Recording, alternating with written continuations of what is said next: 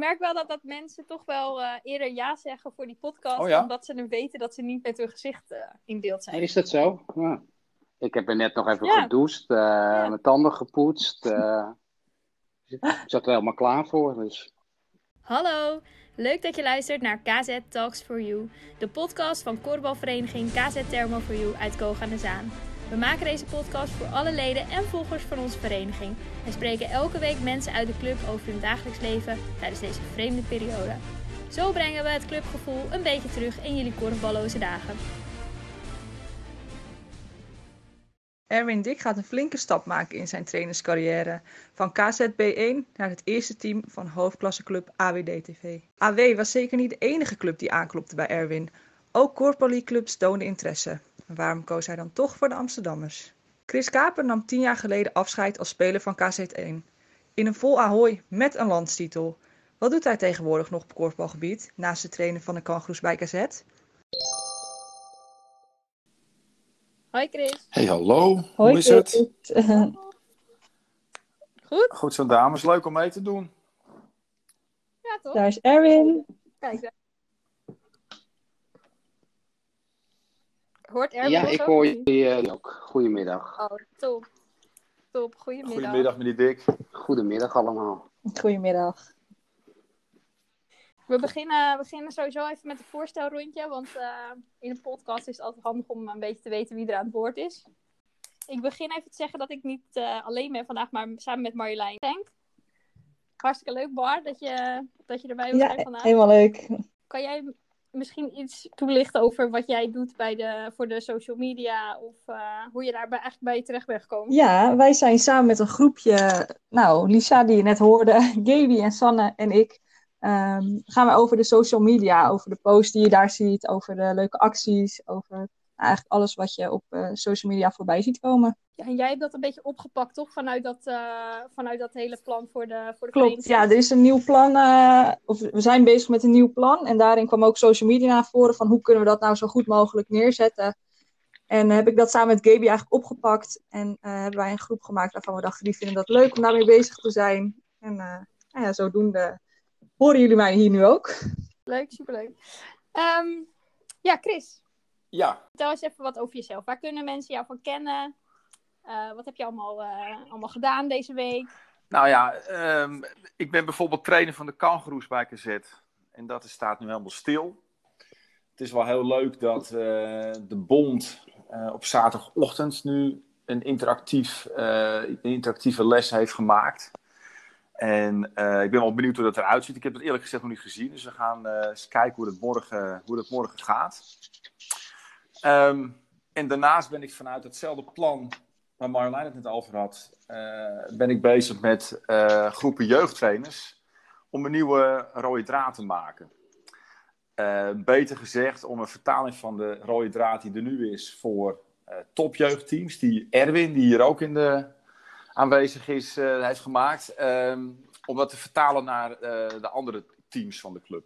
Oké, en is dat, ehm, dat, is dus al, dat loopt dus al een tijdje? Nou, daar zou ik een paar weken geleden mee beginnen en toen kwam corona. Ehm, maar het, is, het blijkt eigenlijk best wel goed te gaan om dat via videobellen te doen. Eh, en we hebben de laatste keer hebben we Teams gebruikt. En daar was Marjolein zelf ook bij. En dat ging eigenlijk wel goed. Dus het gaan we gewoon eh, daar gaan we mee door in deze tijd. Ja. Ja, zeker. Mooi. Ja, Erwin, eh, jij bent er ook bij. Hartstikke Ja, goed. leuk.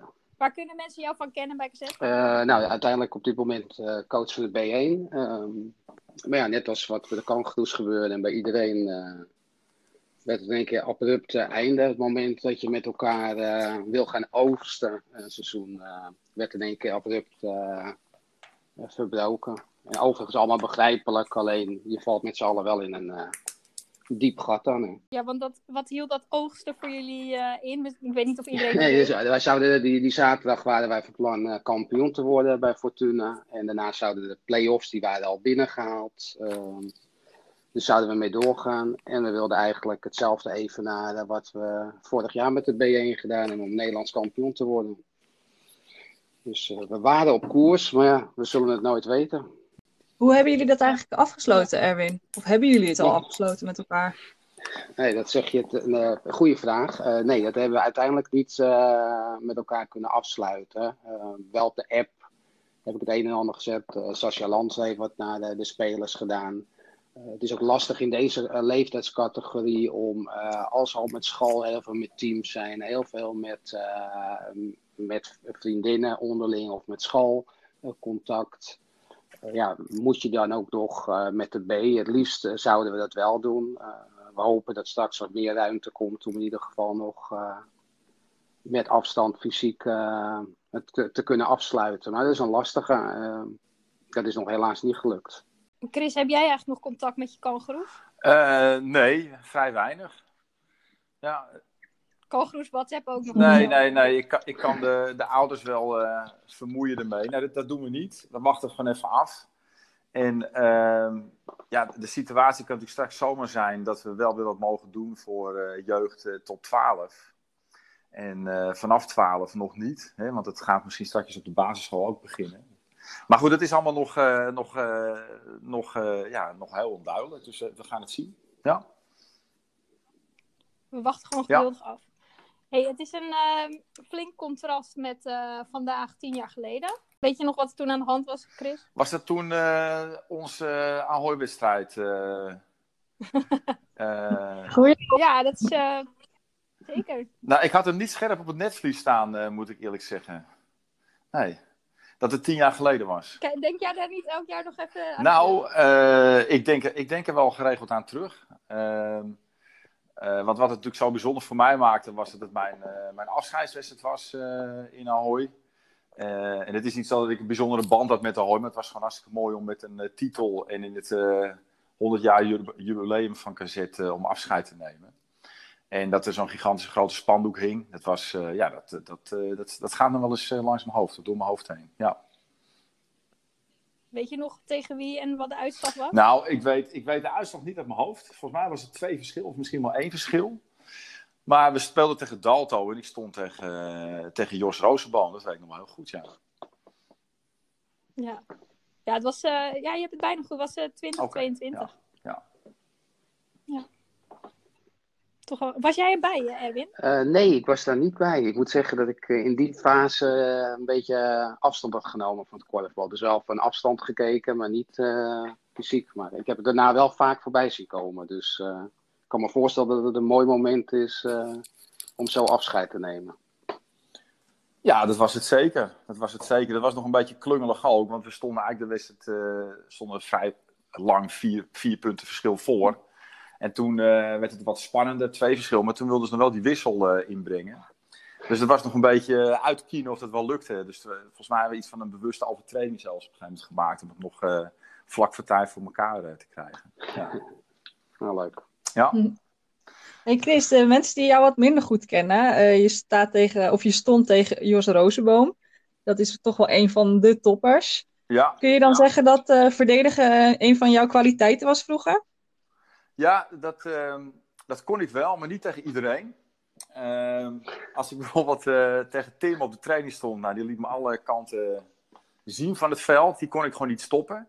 Maar sommige spelers, uh, daar kon ik goed tegen spelen. En tegen Jos uh, had ik echt een goede match-up. Ik, ik had het idee dat Jos het absoluut niet leuk vond als hij tegen mij stond. En ik was ook niet heel leuk tegen hem hoor in de wedstrijd. Dat zal ik wel meespelen. Maar ja. dat werd, op het laatst werd, werd, werd, ik daar wel wat handiger in. Om ook ja, dingen te doen waar de tegenstander gewoon wat de tegenstander niet fijn vond. En ik, ja, Moest je wat gaan compenseren, Chris? Nou ja, dat. Kijk, hij, hij had natuurlijk een schot op links van mij, eh, van de verdediger af bezien op, op, op mijn rechterkant. Dat was zijn goede kant. En ik kon heel goed uit lijn staan, dus met mijn rechterbeen steeds aansluiten op zijn, op zijn schotbeweging. Ja, daar, daar, daar had hij een hekel aan. Hij kon niet zo goed op zijn andere been schieten.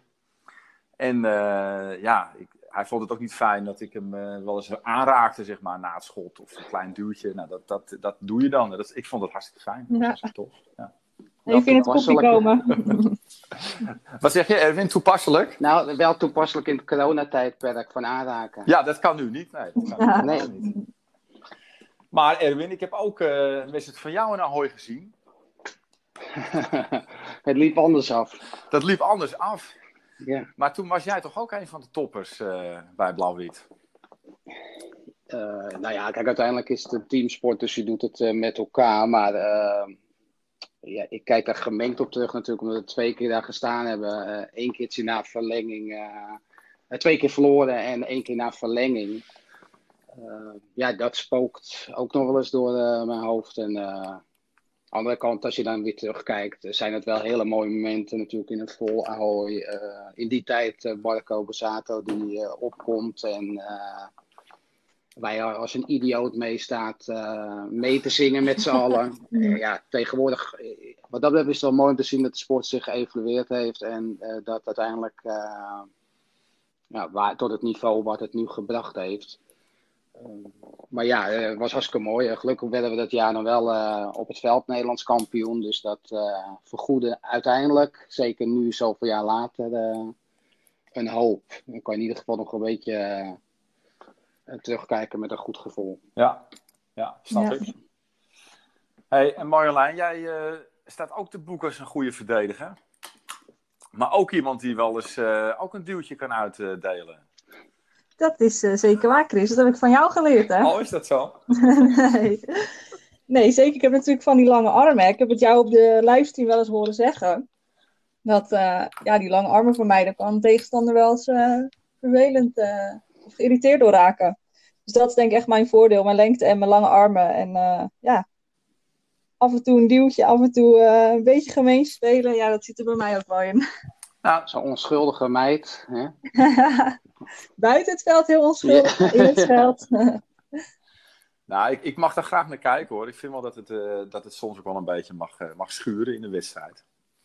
Ja, van mensen die natuurlijk geen korfballers zijn, die denken het is uh, geen contactsport en mag elkaar niet aanraken. Maar als je nou ja, nu toch in het korfbalwereldje zit, merk je dat dat nou, dat je elkaar heel veel eigenlijk wel aanraakt. En ik kom natuurlijk van de vierde klasse en daar was het helemaal erg. Daar moest je wel duwen, beuken, trekken.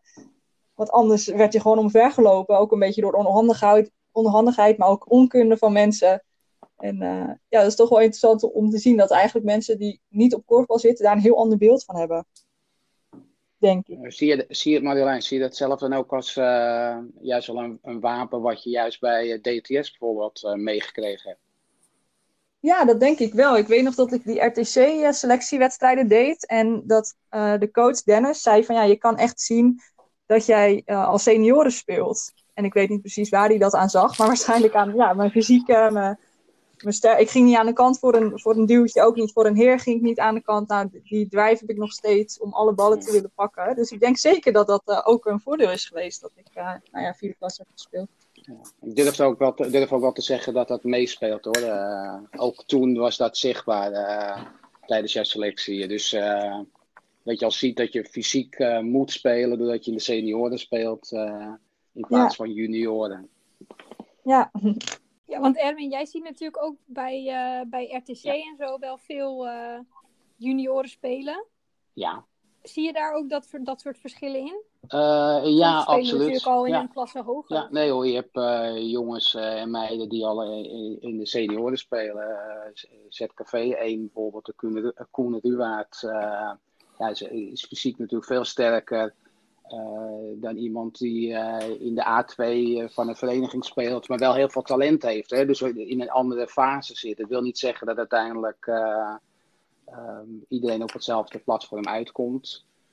Alleen de ene is daar iets later in, in zijn ontwikkeling dan de andere. moet je ook fysiek gewoon aankunnen. Dus wat Marjolein had dan bij DTS, dat je vierde klasse moet je best fysiek je, je vrouwtje in aangeval staan. Um, ja, dus dat zie je wel echt terug bij die leeftijdscategorie, nu bij onder 19. Ja, ja, en dat is natuurlijk ook echt wel een leeftijd waar je, waar je grote verschillen gaat zien, fysiek. Uh, fysiek ja, ook. daar kan je wel zien of iemand uiteindelijk uh, het league-niveau gaat halen of, uh, of niet, denk ik. Ja. Nee, dat zie je bij de kangaroes nog niet helemaal. Nee hoor, nee hoor. Al kan je soms wel voorspellingen doen, maar dat is bij de kangaroes nog heel lastig. en dat, dat weet je, het leuke is dat, dat, dat je, zeg maar, als je heel goed bent in de D1, of in de C1, dat het ook nog niet zegt dat je ook in de senioren hartstikke goed bent. Dus dat, dat zijn wel leuke dingen, vind ik ook. Eh, dat je altijd gewoon moet blijven knokken om, om beter te worden. Ja. Had jij dat wel, Chris? Dat je altijd in de eerste teams hebt gezeten? Ja, maar, niet vanaf de jongste jeugd. Ik heb zeg maar in de, de E'tjes en in de F'jes heb ik, uh, speelde ik altijd laag. En op een gegeven moment, uh, uh, volgens mij was Ruud Gruis, die had mij toen een keer gezien bij een selectiewedstrijdje. En die zette mij toen in de D1. En, en vanaf, vanaf die tijd heb ik altijd in een eerste team in de jeugd gezeten. Ja. Ah, oké. Ja. Hoe was dat bij jou, Erwin? Uh, nou, ik kom net als jij bij een kleinere vereniging vandaan, dus dan is het al wat lastiger. Dan heb je niet zoveel smaken. Dus ik heb wel altijd in de standaard teams gezeten en vervroegd doorgegaan naar het eerste. En toen uiteindelijk uh, de overstap, maar op een relatief late leeftijd, 18 was ik, 18, 19, ben ik pas naar Blauw-Wit uh, gegaan. Ja, ja. Um, dus ja, dat is denk ik even anders dan als je bij een vereniging met KZ met zoveel leden. Maar uh, nou, heb Ruud Gruis het toch goed gezien, Chris. Ja, dat vind ik natuurlijk ook. Ja, natuurlijk. Ja. Ruud Grijs heeft daar gewoon oog voor, hoor. Volgens mij heeft hij Esther ook uh, oh, ja? ontdekt. Oh ja, dan, dan moet Ruud Grijs uh, daar misschien een functie in krijgen. Chris kan je bij de kangoeroes niet gebruiken. Ja hoor, ja hoor. Hij, zeker in het begin kwam hij vaak uh, opnames maken met zijn ja, met zijn, met zijn camera. Ja. Oké. Okay. Hey Erwin, hoe ben jij uiteindelijk bij Cassette terechtgekomen? Uh, uiteindelijk door Dennis Dovers. Die kwam uh, ja, via Tim Bak uiteindelijk gesprekken geweest. Maar uh, omdat hij werd voor de derde keer vader, wat lag in de planning. en hij deed de A1 voor KZ. En hij vond het zonde om dat los te laten. En toen kwam hij uiteindelijk bij mij en ik ben heel enthousiast. maar uiteindelijk werden mijn kinderen heel enthousiast. Want die gingen gelijk mee richting KZ. Dus toen gingen we uiteindelijk als gezin uh, deze kant op. En nou, tot op heden nog geen spijt van. Nee, dat is mooi. En niet onverdienstelijk, moet ik ook zeggen. Nee, het is, het is leuk gaan. Ik moet ik zeg, ik, doe het allemaal met uh, passie. Ik vind het gewoon leuk. En uh, de, de sport vind ik gewoon mooi. En om daar elke keer weer beter in te worden, ja, vind ik een uitdaging. En, dus ja, dat, ja, dat is, zo ben ik uiteindelijk ingedopt. Ja, Via is natuurlijk een oude maatje van uh, Blauw-Wit. Uh, die natuurlijk op zijn oude nest terug was gekomen. Maar altijd goed contact mee. En uh, nou, nu zitten we hier. Ja, ja mooi. Ik heb toen ik een beetje die podcast aan het voorbereiden was, toen dacht ik, jij en Chris hebben eigenlijk best wel veel gemeen. qua, qua carrière, allebei in Oranje gespeeld bijvoorbeeld ook. Mm-hmm. Um, maar ook, uh, Chris, toen jij uh, op een gegeven moment bij de staf van uh, selectie ja. cassette kwam, was dat voor jou ook eigenlijk een soort van vuurdoop opeens in een, bij een eerste team? ja, dat was voor het eerst, dat klopt. Ik, ik had daarvoor heel veel jeugdteams gedaan en ook wel seniorenteams. Maar dat was voor het eerst dat ik een, ehm, een eerste team deed, een eerste seniorenteam. Ja, ja zo'n soort stap ga jij natuurlijk ook uh, maken. Ja, ik heb een tuggetje uh, heb ik door. Uh, nee, ik dacht eerst, je gaat iets zeggen over het feit dat, dat ik bij Blauw-Wit speelde. Het was toch hoofdklasse, was er nog geen league, was ik topschutter van Nederland. En ik werd uiteindelijk het jaar daarna mijn titel kwijtraakte kwijt door de, in een quiz kapen. Dus, ja, daar moest ik heel veel dus geld voor betalen, maar het is me wel gelukt. ja. ja, als het uh, iemand gegund was, was het jou, uh, Chris. Nou, dus, uh, lief, lief. Ehm, ja, maar uiteindelijk, ja, dat is absoluut waar. AWD-TV, hoe dat zo gelopen is. Ehm, er was een Corval League club al die kwam ehm, vragen en daar heb ik gesprekken mee gehad. En uiteindelijk was het gevoel niet goed. toen kwam er zelf een Corval League nog voorbij. Toen dacht ik, nou, toch wel interessant, wel over nadenken.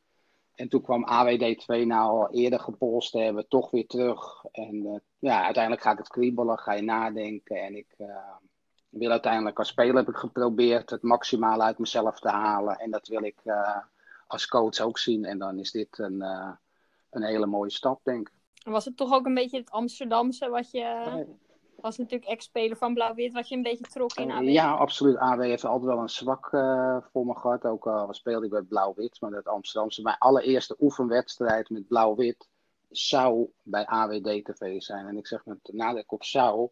Um, Kees Brouwer had me toen gehaald naar Blauw-Wit en ik moest die oefenwedstrijd spelen. En uh, ze hadden gezegd, nou, vanaf de ring kan je zo het veld zien liggen. Dus ik uh, rij met Mirjam die kant op en we hebben de hele ring gezien. En we zijn uh, weer naar huis gegaan. Ik heb de trainer opgebeld ik kon niet, ik kon het veld niet vinden. Dus dat was mijn allereerste wedstrijd. En ondanks dat kwam ik toch uiteindelijk nog in uh, Blauw-Wit 1. Uh, dus ja, ik, we die ring twee keer rondgereden, niet kunnen vinden. En uh, ja, je moet het kunnen zien liggen. Oh, hadden we nog geen navigatie, hè, voor de duidelijkheid. Dus, ja, ja, ja, ja, ja. Wat een verhaal. Wat een verhaal. uiteindelijk kwam wel Blauw-Wit 1 terecht. Maar dus uiteindelijk, ja, AW het Amsterdamse spreekt me absoluut aan. Ja, gewoon uh, de mentaliteit, uh, de vereniging. Het is natuurlijk een kleine vereniging, maar ze zien zichzelf ook als een opleidingsvereniging. Dat is voor mij natuurlijk ook mooi. ze willen in mij investeren, ik wil in de club investeren. En uiteindelijk was het een, zoals het er nu uitziet, een win-win situatie is wel een contrast met uh, KZB1, want wij staan nou niet echt bekend om ons uh, bluff. Uh, nee, maar ik heb natuurlijk een jaar bij Blauw-Wit gespeeld en ik heb de blauwe wedstrijd, en dat is misschien voor Marjolein vervelend om te horen, maar moet ze even de oren dicht doen, de wedstrijd Blauw-Wit KZ gezien dit jaar in de zaal. En dat is typisch wat Amsterdamse clubs extra's kunnen brengen op het moment dat ze in hun eigen hal spelen. Om een ploeg die veel beter is, toch te kunnen uitschakelen. En ja, dat Amsterdamse, die Amsterdamse bluff, ja, dat werd er wel heel vroeg uh, inge, ja, ingepraat. Uiteindelijk was het gewoon een manier. Wij zijn uh, in dit geval, in mijn geval blauw-wit en wij zijn de beste. En eigenlijk wat KZ zegt. Uh, maar uiteindelijk was het ook echt zo. Ze liepen heel arrogant, liep je het veld in. Eigenlijk stond je al 1-2-0 voor voordat je moest beginnen. Ja. En, ehm, ja, en dat de, de, de gebruik, ja, dat, ik denk dat het gewoon een wapen is. Dus maar hoop jij dat daar te brengen bij AW? Of trek je dat aan omdat ze dat daar al een beetje hebben? Uh, dat laatste. En ik hoop dat uiteindelijk natuurlijk uh, verder te fine-tunen. Uiteindelijk hebben we met de spelers, en dat was voor mij de doorslag, groepje spelers gesproken. En dat was gewoon een heel goed gevoel. Uh, heel open gesprek. eerlijk in de zin van dat ze ook kritisch naar zichzelf wilden, durfden te kijken en kwetsbaar opstellen. Kijk, ik uh, wil geen politieagent zijn. Ik wil een uh, coach-trainer zijn die spelers gaat laten nadenken over waarom ze dingen doen en welke beslissingen ze daarin maken. Uh, en zij waren er dus afgelopen jaar ook bij dat, dat ze dus niet de play-off haalden en wat wel hun doel was. Mm -hmm. Nou ja, dan moet je niet alleen naar een staf kijken, maar moet je ook kritisch naar jezelf kijken. Nou, wat voor groep dus... heb je eigenlijk? Is het een jonge groep of zitten een aantal ervaren spelers bij? Nou ja, dus een gemengde groep qua leeftijd. De, oude, de één uitschieter die is dan in de uh, 30 is die, maar gewoon uh, nog een paar van 28, 3, 24. Uh, dus gewoon een uh, groep die op zich qua leeftijd een goede mix heeft. dus ik heb ook met de ervaren spelers gesproken, ook met een jongere heer. om te kijken of ze nog wel eager genoeg zijn om om beter te worden. Nou, en dat gevoel was uh, absoluut aanwezig. Uh, zeker na dit seizoen, uh, wat ze aangaven. Dus dat is alleen maar leuk. Ja, fijn. Mooie dus, uitdaging. ja, nou, zo zie ik het ook. en een mooi niveau natuurlijk om te beginnen. en dan kijken, kijk, uiteindelijk wat ik net zei. Ik vind de passie is voor de sport uh, is voor mij de doorslag. En daarin wil ik zelf nu als trainer-coach uh, beter worden. En elke dag weer en elke keer weer ontwikkelen. En dat wil ik dat de spelers ook gaan doen. Uh, ik heb getraind, wil ik mijn eigen training evalueren. Dat wil ik eigenlijk dat de spelers dat ook doen. En ik wil nog kleiner maken. Elke oefening die je doet, dat je na gaat denken over wat wil ik nou met die oefening bereiken. En ja, er zitten ook ongetwijfeld oefeningen tussen dat je denkt gewoon, ik ga helemaal niet denken. Dat is ook belangrijk. Maar om een bepaalde mix in te vinden, dat je de, nou, de zelfregulatie bij de sporters nog meer gaat activeren. Zo. Ah, Mooi, interessant. Hoor. Maar niet al je trucs verklappen, hè? nee, nee, nee. Maar uiteindelijk is het ook weer niet heel erg uh, ingewikkeld. Je moet gewoon iets doen. Je moet heel hard werken met elkaar. En uh, je passie uitvoeren. En als je dat gewoon allemaal probeert te doen. Weet je wat ik leuk vind ook bijvoorbeeld Marjolein? Uh, om naar andere sporten te kijken. Uh, wat kan je nou uit andere sporten halen? Ja. Wat is bij andere sporten belangrijk? Ja. Uh, dus zodoende. Leuk. Heb jij, Chris, want toen jij die overstap maakte opeens naar, naar een korfbalteam. Ja. Wat, wat was voor jou toen de eerste eye-opener? Uh, eye-opener. Nou ja, dat, uh, dat het heel uh, intensief is. Dus dat, je, dat, het, dat het heel veel tijd kost en heel veel energie kost. Dus je, je moest heel veel brengen om, om, een, om een gewone week in de league door te komen. En dan had je vaak ook die, die door de weekse wedstrijden. Kijk, als speler heb je, dat, heb je daar een hele andere beleving. En als coach heb je daar veel meer gedoe omheen voorbereiden, evalueren, uh, nou ja, tactiek bedenken, gesprekjes met spelers, brandjes blussen. Dat, dat, dat vond ik, uh, dat vond ik uh, achteraf, dat ik, als ik van tevoren heb ik dat, heb ik dat onderschat. Ja. ja. Wat zou je kunnen doen? Zou Erwin er iets aan kunnen doen om dat voor te zijn? Nou ja, die, kijk, het, zit, het, het is ook heel erg afhankelijk van hoe je als persoon het coachen en het trainen geven ervaart. Kijk, ik, ik, Erwin en ik uh, die kennen elkaar ook uh, vanuit de cursus die we vorig jaar samen deden. Ik was de docent en Erwin had de cursus gevolgd. Daarom weet ik ook een beetje hoe Erwin uh, dingen doet. En, en, daarin denk ik ook dat wij een beetje verschillend zijn. Erwin is wel iemand die echt heel goed heel, heel, de touwtjes in handen heeft en ook heel goed de voorbereiding oppakt. En daarom vind ik het ook heel leuk dat Erwin ook zegt van dat hij wil dat die spelers daarin ook meer initiatief nemen. En dat vind ik erg sterk. Um, maar ja, Erwin zal het zelf ook gewoon moeten ontdekken, joh. Het is iedere coach is het anders. Ik weet ook niet wat voor team uh, hij om zich heen heeft aan de AW. Kun je er wat over vertellen, Erwin? Uh, nou, nou, ja, ik denk dat het uiteindelijk een uh, groep is die wel wil. Ik heb nog niet iedereen kun, kunnen spreken, dus dat zijn alweer problemen waar je nu tegenaan loopt. Van ja, hoe ga je dat doen? Ga je één op één gesprekjes voeren? Uh, om aan te geven, de afgelopen weken heb ik gesprekken gehad op anderhalve meter afstand. Ik ben wel de club geweest voor die spelers. Uh, ja, ik ben van het aanraken, ik ben een gevoelsmens. Dus ik vind het al heel bijzonder als je geen hand kan geven als je iemand voor het eerst uh, ontmoet. Dus dat zijn allemaal dingen waar je tegenaan loopt. Dus ik ben nu aan het nadenken van hoe ga ik goede gesprekken met, uh, met spelers uh, voeren. En misschien wel een soort kennismakingsformulier dat je dat als leidraad gaat gebruiken. Uh, maar ja, dat het heel veel tijd gaat kosten, dat ben ik met Chris eens. Ik denk uiteindelijk, AW, DTV speelt op het veld ereklasse en in de, in de zaal hoofdklasse. Um, dus in die zin, en de trainingsbelasting is ook minder dan een, bij een KZ. ja, is dat fout, weet ik niet. Uiteindelijk gaat het om hoe ga je zo efficiënt mogelijk om met je, met je uh, trainingstijd. Bijvoorbeeld nu hebben ze twee uur trainingstijd. Ja, van mij hoeft het niet altijd twee uur trainen te zijn. Het kan ook uh, vijf kwartier heel intensief of anderhalf uur uh, zijn. Als uiteindelijk maar de kwaliteit van de trainingen hoog is. Ja. Dus zo doen we. Ja. Heb jij nog de ambitie om op hoog niveau te coachen, Chris? Nou, um ik denk dat ik het wel weer leuk vind uh, al voor een tijdje om te gaan doen. Alleen nu komt het mij gewoon qua tijd uh, niet uit. Ik heb nog uh, jonge kinderen die nu ook weer binnenlopen, waardoor ik ga vluchten naar boven. Maar ehm, ja, de uren dat ik niet thuis ben, zeker s s'avonds. en ook, weet je, het, het, was, het kost natuurlijk veel meer tijd dan twee trainingsavonden weg zijn. Maar ook andere avonden dingen te overleggen, dingen voor te bereiden. En, uh, en dan heb je nog de hele zaterdag bijvoorbeeld, uh, die, die, die, uh, die je erin moet in, in investeren. Ja, dat, dat zie ik gewoon nu niet gemaakt. Dus qua tijd lukt het me niet om, om dat te organiseren. Nee. En dat, dat geven van die cursussen, dat is wel. nou, dat vind ik hartstikke leuk. En um, dat is qua tijd is dat veel beter te managen. en en ja, die klussen die ik bijvoorbeeld bij, bij Roda en bij ZKV, nu dan bij Cassette kan draaien, dat is gewoon hartstikke tof.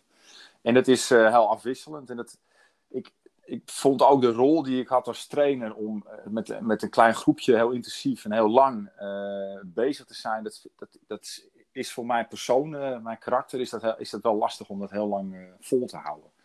Dus dat ik nu met mijn eigen bedrijf meer kan fladderen tussen de verschillende opdrachten, dat past mij beter in deze fase. Al wil ik niet ontkennen dat ik het wel heel leuk zou vinden om wel weer een keer uh, die uitdaging als hoofdtrainer aan te gaan. Alleen dat, dat is gewoon niet uh, te maken uh, de komende tijd. Ja. Ze hebben jou ook wel eens bij PKC Ja, dat klopt. Ja, dat was toevallig ook mijn eerste klus voor mijn eigen bedrijf.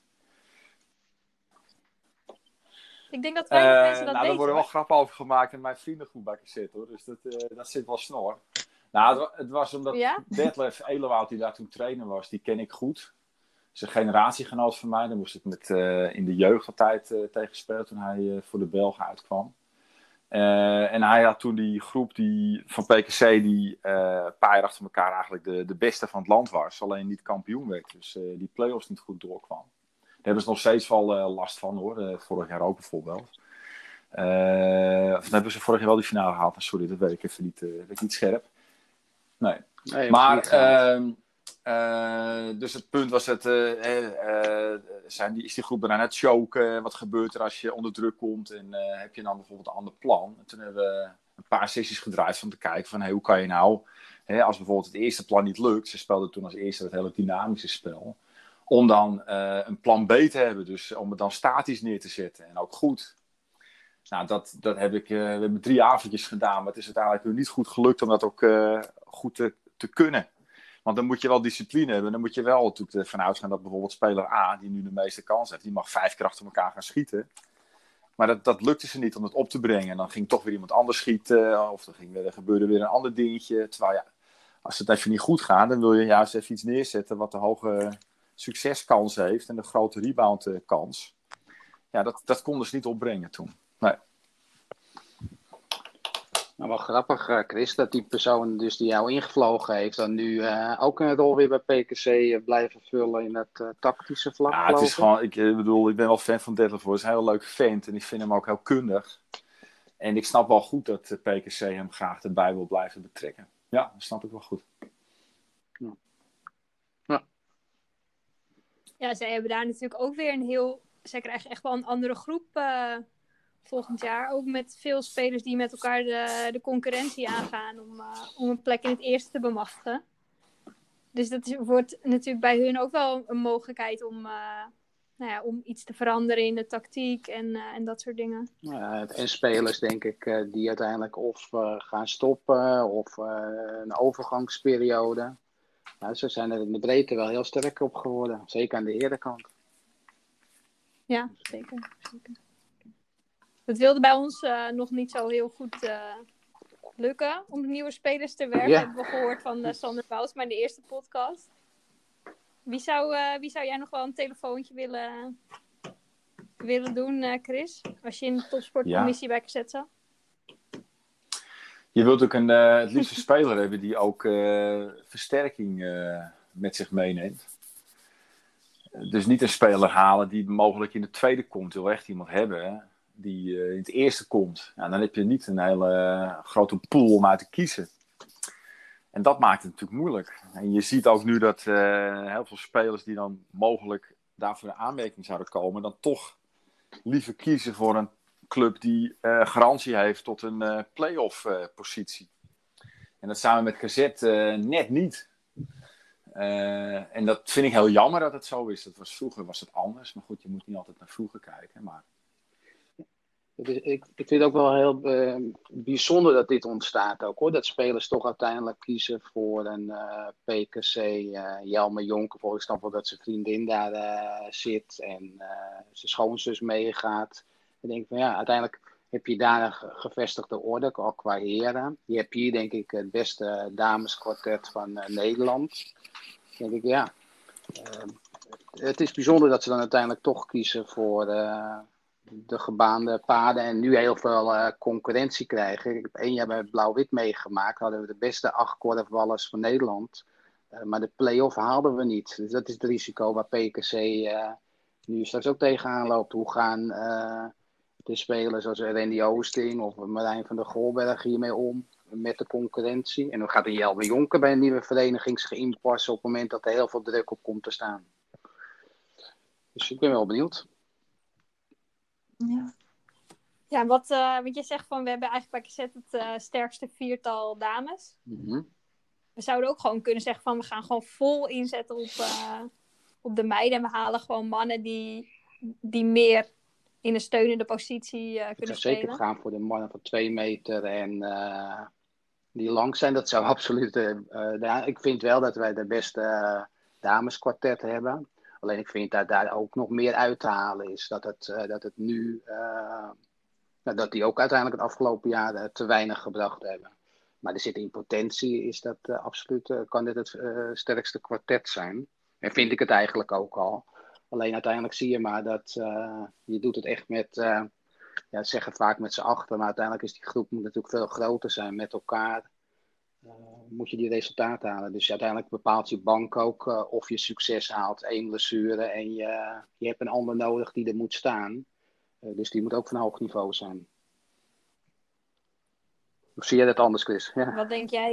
Ik ben het, ik ben het, ik ben het eens Erwin. Ehm, kijk, het is, het is ook flauw om dan die wedstrijd van Gugel uh, naar voren te halen, die uh, uitwedstrijd. Nou, zou, zou maar ik ga het wel doen. Want dat, uh, nee, doe maar niet. en toen ik zelf trainer van één was, toen kreeg ik ook dat soort dingen gewoon in mijn gezicht. Dus nee hoor, maar ehm, het, het, punt is dat, dat het natuurlijk heel raar was. Dat ik dacht van waarom worden die mijnen niet uitgespeeld? Ik bedoel, dat, dat was opvallend. Ik denk dat je dan de wedstrijd heel makkelijk naar je toe had kunnen trekken. Maar dat, ik weet niet de redenen daarvoor. Dat, dat zie je natuurlijk alleen maar aan de kant. En misschien zijn er allerlei andere redenen om het niet te doen. Maar dat was, dat was in mijn uh, optiek zeker ook als je zag hoe dat ging uh, in, in de thuiswedstrijd. Hey, je hoefde maar een schopbeweging te maken en je was er langs. En uh, nu zaten ze er net zo dicht op. En dat is van ja, volgens mij ik, weet ik wel waar de kansen liggen. Maar het punt is natuurlijk, een wedstrijd gaat zoals die gaat. En je kan natuurlijk ook met elkaar een verkeerd spoor ingaan. En dan is het heel moeilijk om daar uit te gaan. Dat heb ik ook ervaren als trainer op het hoogste niveau. Dat kan, ja. Alle ballen op jou dus volgend jaar. Ja, ik hoor het al, dat is de conclusie. ja, toch? ja. Nou, je kiest gewoon voor, de, voor een bepaalde tactiek. En ik denk dat wij als cassette nog heel erg kunnen groeien in... Nou ja, eigenlijk wat je net zei bij PKC. Het kunnen aanpassen als iets niet werkt wat werkt. Hoe gaan we het dan oplossen? En nou ja, om even terug te blikken op dus groen-geel, denk ik dat dat gewoon misging. We hadden een plan, het plan werkte niet. Misschien hadden we ook het verkeerde plan al van tevoren bedacht. Maar dan uh, is het gewoon lastig om te schakelen. En dan, uh, nou ja, is er niemand eigenlijk meer die dat, uh, de knoop door kan hakken om bijvoorbeeld dat om te gooien of zo. Ja, dan loop je achter de feiten aan. Ja, maar, maar volgende onderwerp. Oh, ik, wou, zeggen, ik, ik wou juist erop inhaken van in de zin van, uh, denk je dat dat ook komt, want we hebben een plan, we blijven haken, moeten uh, spelers ook van KZ in zijn algemeenheid niet meer uh, zelf initiatief, zelf over dingen nadenken? Ehm, zou, zou het dan verholpen kunnen worden? Uiteindelijk vind ik dat spelers zelf met oplossingen moeten komen en ook kunnen signaleren. En dat, dat je nu vaak dat je krijgt van dat mensen naar de kant gaan kijken van ja, wat gaan we doen? Of ja. in plaats van dat zelf nadenken. Nee, ben ik helemaal met je eens hoor. Maar al kijk ik naar mezelf, ik ben vaak echt in het moment. Dus ik zit in die wedstrijd en ik vind het dan nog heel lastig om nou ja, op metaniveau even erboven te kijken van nee, wat gaat er nou eigenlijk mis? Ja. Oké, nou dat is ook weer een leerprocesje dan. Ja, en ik denk zeker dat ik, maar ook meerdere van cassette daar zeker in kunnen groeien. En dat wordt uiteindelijk ook verwacht. En ik hoop daar ook uiteindelijk te komen dat ik dat wel kan. Alleen dat, dat zijn voor meerdere mensen in het eerste denk ik nog mooie leerpunten om inderdaad dat zelf uh, ja, door te krijgen. Nou, goed dat je het zegt en eerlijk ook. Ik denk dat het ook uh, echt zo is. Ja. ja. ja ik ben nog wel benieuwd uh, naar wat jullie vinden van die tussenklassen. Want er gebeuren natuurlijk allemaal dingen nu vanwege corona. En uh, bepaalde beslissingen worden genomen. En er wordt nagedacht over een tussenklasse. Hebben jullie daar ideeën bij? Wat vinden jullie daarvan? Ja, ik ben een beetje lastig daarin. Dus ik denk dat ik hem even door moet passen naar Chris. En waarom? Omdat uh, AW natuurlijk nu hoofdklasse zit. Dus alles wat ik zeg wordt niet serieus genomen. Want in mijn belang is het gewoon het moet van hoofdklasse blijven, geen tussenklasse. Dus, nou, en ik ben, uh, ik ben niet update. Dus uh, leg even kort uit wat, wat het idee okay. zou zijn van de tussenklasse. Oh. Dus, nou ja, wat ik begrepen heb is dat een tussenklasse, omdat je natuurlijk met uh, degradatie zit, met Korfbal League, dus groen, geel en tempo, zouden normaal gesproken play-down wedstrijden gaan spelen tegen de winnaar van KCC Oost-Arnhem en Nieuwekerk ja, tegen okay. Dalto. Uh, die zou dus, uh, maar omdat dat niet gaat, hadden ze bedacht, weet je wat, dan laten we de, de vier van elke pool of zo, de nummers vier, daar gaan we een tussenpoeltje van maken. Maar het is aan alle kantjes zit nog allemaal met touwtjes aan vast, want het is uh, uiteindelijk weten ze ook nog niet wat er daarna, het jaar daarna gaat gebeuren. Dus het zou voor twee jaar zijn, een soort tussencompetitie die tussen de Korfbal League en de hoofdklasse inkomt. Ja, waar Tempo en Groen Geel dan ook in komen. Ja, en waar dus degradatie uh, ook nog niet helemaal duidelijk is en wat er het jaar daarna mee gaat gebeuren. Mijn gevoel zegt dat het kansloos is. Uh, ik denk gewoon dat je als KNKV zijn ze een beetje aan het zoeken natuurlijk om geen teleurstellingen te krijgen. Dat, dat ze een beetje aan het uh, en nat houden zijn. Ik denk gewoon dat ze een beslissing moeten nemen. Op het veld durven ze dat ook te doen. is het niet gespeeld? Heb je ook zeven wedstrijden, meer dan de helft al gespeeld, sommige ploegen. Eh, doe je hem ook ongeldig. Ja, waarom zou het niet met de zaal eh, eh, kunnen? maar ja, het ligt gevoelig allemaal natuurlijk, want je hebt ook te maken met, met clubs, uh, misschien KNKV-mensen die nog bij clubs zitten. ja, uiteindelijk is het toch altijd lastig.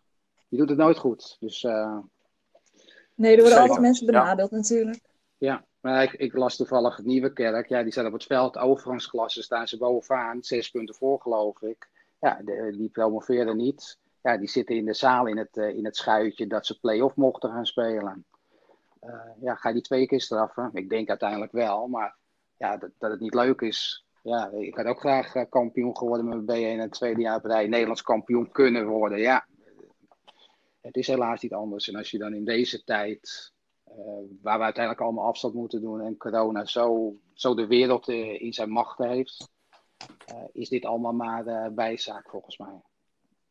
Ja, dat heb je mooi gezegd. ja. ja, want die tussenklasse, ik denk wel, wat ik altijd bijzonder vind aan de hoofdklasse, en Frank Stout had het daar ook over in de podcast van uh, NL Kortbal, dat dat je natuurlijk wel nu, bijvoorbeeld ook dit seizoen zag, dat er best wel een oneerlijke verdeling was in de kwaliteit van de teams in de pools. Ja. Dus dat in de ene pool het echt wel lastiger was om play-offs te halen dan in de andere. En dat zou je met die tussenklassen, zou, als je natuurlijk tien, tien teams hebt in één pool, zou het wel, zou het die kans om de play-offs te halen wel iets eerder. Nee, dan gaat de beste uiteindelijk uh, zegen vieren. Maar die ging in de, in de oude constructie natuurlijk met play-down uh, uiteindelijk ook. Uh, alleen ja, de, tijdstippen, wanneer moet je het doen, hoe moet je het doen, krijg je mensen nog fit. Uh, moet je wel volgend jaar krijg je weer hele andere teamsamenstellingen. Want bij KCC komt een nieuwe dame bij. is dat eerlijk? Ja, dat er, er komt zoveel bij kijken, denk ik. En ook uh, logistiek gewoon, dat het gewoon lastig is. Maar ja, uiteindelijk mogen dat daar. Ja, voor, de, voor KZ zou het overigens nog wel betekenen dat dan de derde ook uh, oh, ja? Oh, Oké. Dus het, zou, het werkt ook door voor de. Ja, het werkt ook iets door in het wedstrijd uh, korfbal. Ja. Dus het, dat zou voor ons nog wel gunstig zijn. Maar wij, goed, wij moesten als. Uh, uh, als bestuur ook een enquête invullen van het KNKV. En wij waren gewoon 50-50 verdeeld. Uh, nou ja, in de mening over of er wel of niet een jullie... zou moeten komen. Ja. Dus vandaar dat, uh, dat ik dacht van misschien hebben jullie er iets En was jullie mening gebaseerd op vanuit de club KZ? Of was jullie mening gebaseerd gewoon over überhaupt gewoon over de, de League? Of ging het dan dat mensen dachten van nou, het is goed voor het derde, dus we zijn voor? Of kan je daar niks over zeggen? Uh, nou, ik denk wel dat sommige bestuursleden inderdaad iets meer vanuit de eigen vereniging keken. En dat, dat anderen wel op een iets hoger niveau of breder niveau keken van wat heeft het voor, voor andere consequenties nog. Dus ja, het was ook best wel lastig om op basis van wat het KNKV dan als informatie erover gaf, een beslissing te nemen. En ook op zo'n korte termijn. Uh, en er waren natuurlijk ook nog wel veel vraagtekens bij wat jij ook al zei. Dat uh, over die degradatie ja. bijvoorbeeld niet uh, nog niks zeker is. En maar dat ik denk dingen. uiteindelijk dat ze, als ze slim zijn, maar dat gaan, weet niet of ze gaan doen. hou gewoon, laat tempo degraderen en laat de twee kampioenen promoveren. Dan ga je met eentje meer spelen, omdat Groen Geld wel had bewezen dat ze goede papieren hebben. En dan kan je daarna altijd nog zeggen, we, we breiden dus de, de league uit met één of we houden dat zo. Maar... Ja, ik vind het ook op zich wel charmant dat ze dan de clubs erbij betrekken door zo'n enquête. Maar je geeft wel. Ja, het is best lastig om, uh, om iets te adviseren. nou, Lisa, heb jij niet het idee dat dit soort dingen ook uh, ontstaan om draagvlak te creëren in de uiteindelijke beslissing? Want. Nou, Natuurlijk. Natuurlijk. Maar ja, wij gaan nu zeggen, ja, we waren 50-50 verdeeld. Nee, ja, ja, dit, maar het is Ja, alles dat met is die polls die je voorbij ziet komen van wie gaat, eh, wat, wat vind je ervan? Ja, en Ben Krum komt met zijn analyse of iedereen heeft een mening. Ja, hier kan iedereen wat vragen en iedereen heeft, heeft een mening. Ehm, ja, soms moet je gewoon ook eh, als bond zijn gewoon een beslissing nemen en erachter staan wat ze op het veld ook gedaan hebben. Ehm, Ja, je kan natuurlijk ook krijgen wat je bij, bij de KNVB hebt. Dat sommige clubs, gewoon eredivisieclubs, gewoon echt zeggen van nou, jullie zijn, het zou gekke werk zijn om de competitie nog door te zetten. En dat het KNVB eigenlijk gewoon, dat de KNVB gewoon zegt van nou, we willen eigenlijk nog wel alle Ja. opties openhouden. Dat is natuurlijk weer de andere, dat is de, het andere Weet je wat ik heb in dit eh, gehele eigenlijk hoop, is dat op een gegeven moment ook clubs zijn eh, in, in de hele breedte. Hè? Eh, gewoon van weet je wat, wij eh, blijven er nu in of wij, degen, wij promoveren nu. Wij hebben eigenlijk geen team. Dat, dat je dus nu meer een beetje gaat kijken dat clubs toch ook nog gewoon een verzoek kunnen indoen, dienen om gewoon te zeggen van weet je wat, eh, wij gaan niet hoger. Of, kijk, als bijvoorbeeld als voorbeeld onze A2. Eh, die zijn op het veld bovenaan, zouden dan gepromoveerd zijn. Hey, die competitie wordt er niet gedaan. Zaal moeten ze nog tegen de kop lopen, staan ze één puntje achter. En daar wordt gewoon de stand gedaan. Dus door de tweede promoveren niet. En op het veld blijven ze ook in de klasse. Dus die worden aan twee kanten eh, gestraft. Denk ik, hoop ik eigenlijk dat clubs gewoon onderling zeggen van nou, hey, er komt er gewoon een jonge lichting van de B1 door. Dus daarom zeg ik het ook wel een beetje. Maar dan denk ik van, ehm, laat de clubs onderling ook bepalen van ja, wie hoort nou op een bepaald niveau waard. eh, en gaat zo invullen. Maar Ja, ja, eigenlijk gewoon zoals we in de, in de jeugd van de breedte sport ja, ook en gewoon ook kunnen dus gewoon kijken. uiteindelijk eh, ja, blijft een Ja. A2 eerste klasse spelen of gaan ze overgangsklasse spelen. Dat is een hele andere situatie. Klopt. Ja, klopt. Ik hoop wel dat we, dat we binnenkort weer een beetje het, iets van het verenigingsleven of, eh, of het leven op het korfbalveld kunnen oppakken. maar dat moet wel binnen, nou ja, of, of ik moet zeggen op twee of anderhalve meter afstand het liefst. Hebben jullie daar ideeën over? Hoe, hoe we dat Nou, zouden je- kunnen Je kan er altijd mee hoor. Je kan ook trainen eh, met groepjes of met anderhalve meter afstand. Hè? Alleen je kan niet zo goed partijtjes spelen, dat is lastig. Maar je kan wel trainingsvormen verzinnen. En ik denk ook wel dat dat eh, moet kunnen. Want dan eh, kan je toch de boel weer een beetje draaiende krijgen. Dan kan je ook weer eh, gebruik maken van de kantine en dan weer dingen kopen. Dus ik denk wel dat het zeker mogelijk is. Alleen ja, wedstrijden spelen zal lastig zijn. Maar je kan natuurlijk wel eh, schutterscompetities doen, eh, van alles. Dus ja, de, creativiteit eh, kan je gewoon eh, de vrije baan geven. En, eh, er is van alles mogelijk, denk ik hoor. Nou, ik hoop ook eigenlijk wel in deze tijd dat je uh, dat verenigingen, want waar ik een beetje bang voor ben, een beetje om me heen hoor, is dat met de zomervakantie natuurlijk ook heel veel mensen niet iets durven doen. Hè? Dus uh, of worden die toegelaten in Spanje, toeristen, dat heel veel Nederlanders in eigen land blijven. Dat er wellicht een mogelijkheid is voor verenigingen om te zeggen, nou weet je wat, we gaan uh, priktoernooitjes doen. uh, en dan kan het met je quarantainemaatje zijn. Iemand die bij jou in huis zit. Kan je gaan uh, schieten. Je kan het individu. Dus dat je zo het verenigingsleven wel weer een, een, een boost gaat geven. Uh, Leuk idee. Ja, in ieder geval om het sociale natuurlijk Ja. ook gewoon weer op te pakken. Want dat mis je nu natuurlijk wel. Nou, en, misschien mogen we in de zomer al wat veel meer, weet je wel. Ik bedoel, ik kan me ook voorstellen dat heel veel bedrijven die nu half-half draaien of stilstaan. En in de zomer dat het weer allemaal, uh, hè, dat ze veel meer mogen dan ook van hun werknemers vragen: ja, weet je, je hebt nu wat minder gedaan en nu kunnen we weer volle bak. Dus ik wil liever niet dat je op vakantie gaat. Natuurlijk heb je daar wel recht op. Maar ja, in goed overleg zou je toch wel ergens kunnen komen. Dus ik verwacht ook dat veel meer mensen in Nederland blijven. En dat je met de clubs juist wel weer uh, actief kunt worden. Maar zie jij daar uh, kansen voor, Mar, om uh, in de zomer uh, op het veld lekker aan Lijkt me heerlijk. ja. In het begin miste ik het korfbal nog niet, maar eh, we hebben nu een paal hier staan in de tuin. En uh, elke dag wel even een balletje schieten hoor. Dus uh, hey, en win je ja, dan het zou top Alwin? zijn als dat kan. Ja? Tuurlijk. Ach, Nee, helaas. Nee, maar Marjolein, mag ik jou een vraag? Je gaat me toch niet vertellen dat Piet Hein die uh, paal bij jullie gebracht heeft, hè? Nee, Ah, nee. Die is van, uh, van Robert Molenaar. Ah, Oké, ja. En wij hebben ook zelf een paal. Maar ik hoorde laatst dat uh, Piet Hein uh, gesignaleerd was met een hele paal in zijn auto. Hoe Ja, gek kan je echt? zijn? Ja. Ja. mooi hè? Dat meen je niet. Nee, er zijn ook clubs waar je Ja, een paal klopt. kan Dat lenen. komt bij AWD TV. Ja, Nog bij KVA hadden ze dat ook. ja ik zou... Ja, zich een goed idee, maar dat, ja, hoe komen al die palen dan ook weer terug voor het begin van de veldcompetitie? Ja, ik zag Ja, bij dat- eh, AWD 2 zag ik ze staan, maar die hadden eh, in drie eh, varianten. Dus die waren heel makkelijk te vervoeren. Dus palen die in drie delen gebracht konden worden. En eh, ja, bijhouden en eh, kijk, dat, dat maak je netjes afspraak. Dus er is ook een, eh, een ja, formeel contract is misschien een beetje zwaar, maar in ieder geval Lisa van Tongeren heeft er een die, eh, die moet hem ook weer op tijd terugbrengen. Maar hoe doe je het Ja. voor de rest eh, in deze tijd dan met, eh, met, eh, met, met, met thuiswerk, maar ook met, de- met G-korfbal? Kan dat nog iets doen?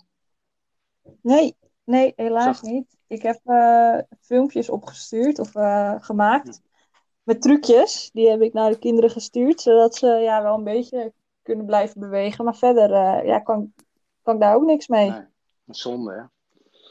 Ja, dus dat is echt jammer, want het kwam net een beetje van de grond. En dat ging hartstikke goed. En eh, ja, dat is jammer. Eh, het is een doelgroep die het eh, extra hard, eh, denk ik, eh, te verduren krijgt in deze tijd. Dus zonde. Zeker, zeker. Ja, maar ja, dat pakken we gewoon weer op op het moment dat het kan. Doen jouw kids thuis iets, eh, Chris, of een niet? speeltuintje met buurmeisjes en zo. Dat gaat hartstikke goed. Dus, eh, en eh, ja, het is ook thuis moeten ze aan de bak voor school. En het valt niet altijd mee. En zeker niet ook als je thuis moet eh, werken zelf. Dus dat is al even, even gedoe. En, ehm, Ik heb echt Ja. respect voor ouders deze tijd. Ik werk zelf eh, met kinderen, die kan ik nu ook niet zien. Die zie ik via Skype. Maar ik merk dat ik nu ook steeds meer ondersteuner ben geworden van ouders dan dat ik echt de kinderen zie. nou, dat is het Want, eh, ook. Dat is het ook. Pittig hoor. Nou ja, ik weet niet hoe Nee, jij dat dat is, ervaart, dat is wel lastig. En daarom doen eh, we nog ook eh, kijk, bij de Kruisje Foundation, eh, ik bedoel, daar zijn ze echt wel relaxed. Als je, en dan snappen ze echt wel dat je dan eh, wat minder kan doen. Maar nou moesten we, ik moest, eh, gisteravond moest ik nog een, eh, een stuk aanleveren voor het VSB-fonds. We hebben een aanvraag gedaan voor, om, om geld te krijgen. Maar het werd gewoon dik nachtwerk, omdat je gewoon overdag kom je daar niet aan toe. Dus ik heb een kort nachtje gehad, maar het is wel gelukt. Maar het is, ja, dat, dat moet je ook maar gewoon accepteren. Dat, dat is dan nu even de situatie. Dat is dan ook weer een voordeel van een podcast. Nou, goed, wel goed dat je dan... eh, ja, inderdaad, goed dat je fris en fruit gewoon wel in de Nee. zit. Nee, nee maar haar zit wel We heel zien goed geen of Oh nee, ook niet. Nee. Ik merk wel dat, dat mensen toch wel eh, eerder ja zeggen voor die podcast, Oh ja? omdat ze dan weten dat ze niet met hun gezicht eh, in beeld zijn. Is dat zo? Ja. Ik heb er net nog even Ja. gedoucht, eh, mijn tanden gepoetst. eh. ik zat er helemaal klaar voor. Dus. Geen We is geen woord een van gelogen trouwens. Want eh, wij hebben hier aan het eind van de straat ook nog een boerderij. Eh, niet wij zelf, maar de straat. En eh, op de vrijdag zijn wij altijd de klos of de vrijwilliger die dan de schapen eten moet geven, water en schoon moet maken. Want daarna stink je wel. Dus ik denk, laat toch eventjes onder de douche springen. Maar om- dus, dus ja, wij, Oké. mijn buurvrouw die eh, heeft helaas een hersenbloeding gehad. Dus die was heel actief met, eh, met, met die beesten. En eh, nu pakken we het met de, met de buurt op. Dus eh, je gaat dan ook wel weer extra relativeren. Als een vrouw die uiteindelijk ook iets voor anderen doet, al sinds 9 maart in het ziekenhuis ligt, vanwege een hersenbloeding, dan, dan ga je in ieder geval, in ieder geval denken dat er ook belangrijke Ja, dingen dat- zijn dan, dan korfbal. Ja. Zien we soms niet, maar Ja, het was wel echt mooi in, wat, in alle andere mooie dingen die dan in deze tijden gebeuren. Van mensen die toch dingen voor elkaar Ja. oppakken en zo. Oké, dus jij bent eh, één keer in de week doe je ja, eh, schapen de eten. kippenhok maken we schoon. En, eh, en nu is het niet zo erg, omdat het eh, droog is, maar als het geregend is, eh, heeft, dan is het echt eh, drassig, nat, eh, vies. Dus dan, is het, eh, dan stink je echt. We waren wel gelukkig met z'n allen dat het uiteindelijk eh, het weer zo is. Hè? Dus iedereen kan er wel naar buiten. Je kan, je kan elke avond nog wandelen of elke dag. eh, als het regent en je Ja. zit dan binnen. We kwamen elkaar nog tegen, Erwin. Ja, ja, je ging wel hard hoor, op die skilers. Ja, even lekker bezig. Ja, dat is wel top hoor, nu dit weer. Ja. Nou ja, dat was de buurman Ja. die er meeliep, die zijn vrouw dus in het ziekenhuis ligt. Dus die eh, nemen we ook op die wijze op sleeptouw om gewoon eh, Oh, naar buiten te Mooi man, hartstikke goed. Ja. Leuk. Doe je goed. Nou, ik wil jullie allemaal bedanken. Ja. Er is heel veel, eh, we hebben veel besproken. Van, het ging van de hak op de tak, maar wel, eh, wel allemaal leuk. Jongens, bedankt Leuke jongens. Hartstikke mooi. Fijne dag. bedankt. Voor jullie tijd. Hoi. Oké. Hetzelfde. Doei, doei. En blijf gezond. Fijne vrijdag. Hashtag stay fit, stay home. Bedankt voor het luisteren naar deze aflevering van KZ Talks for You. Like, abonneer en deel deze podcast vooral met je vrienden. Heb je een idee voor onze nieuwe afleveringen? Laat het ons weten via social media of een mailtje naar de redactie. Tot de volgende keer!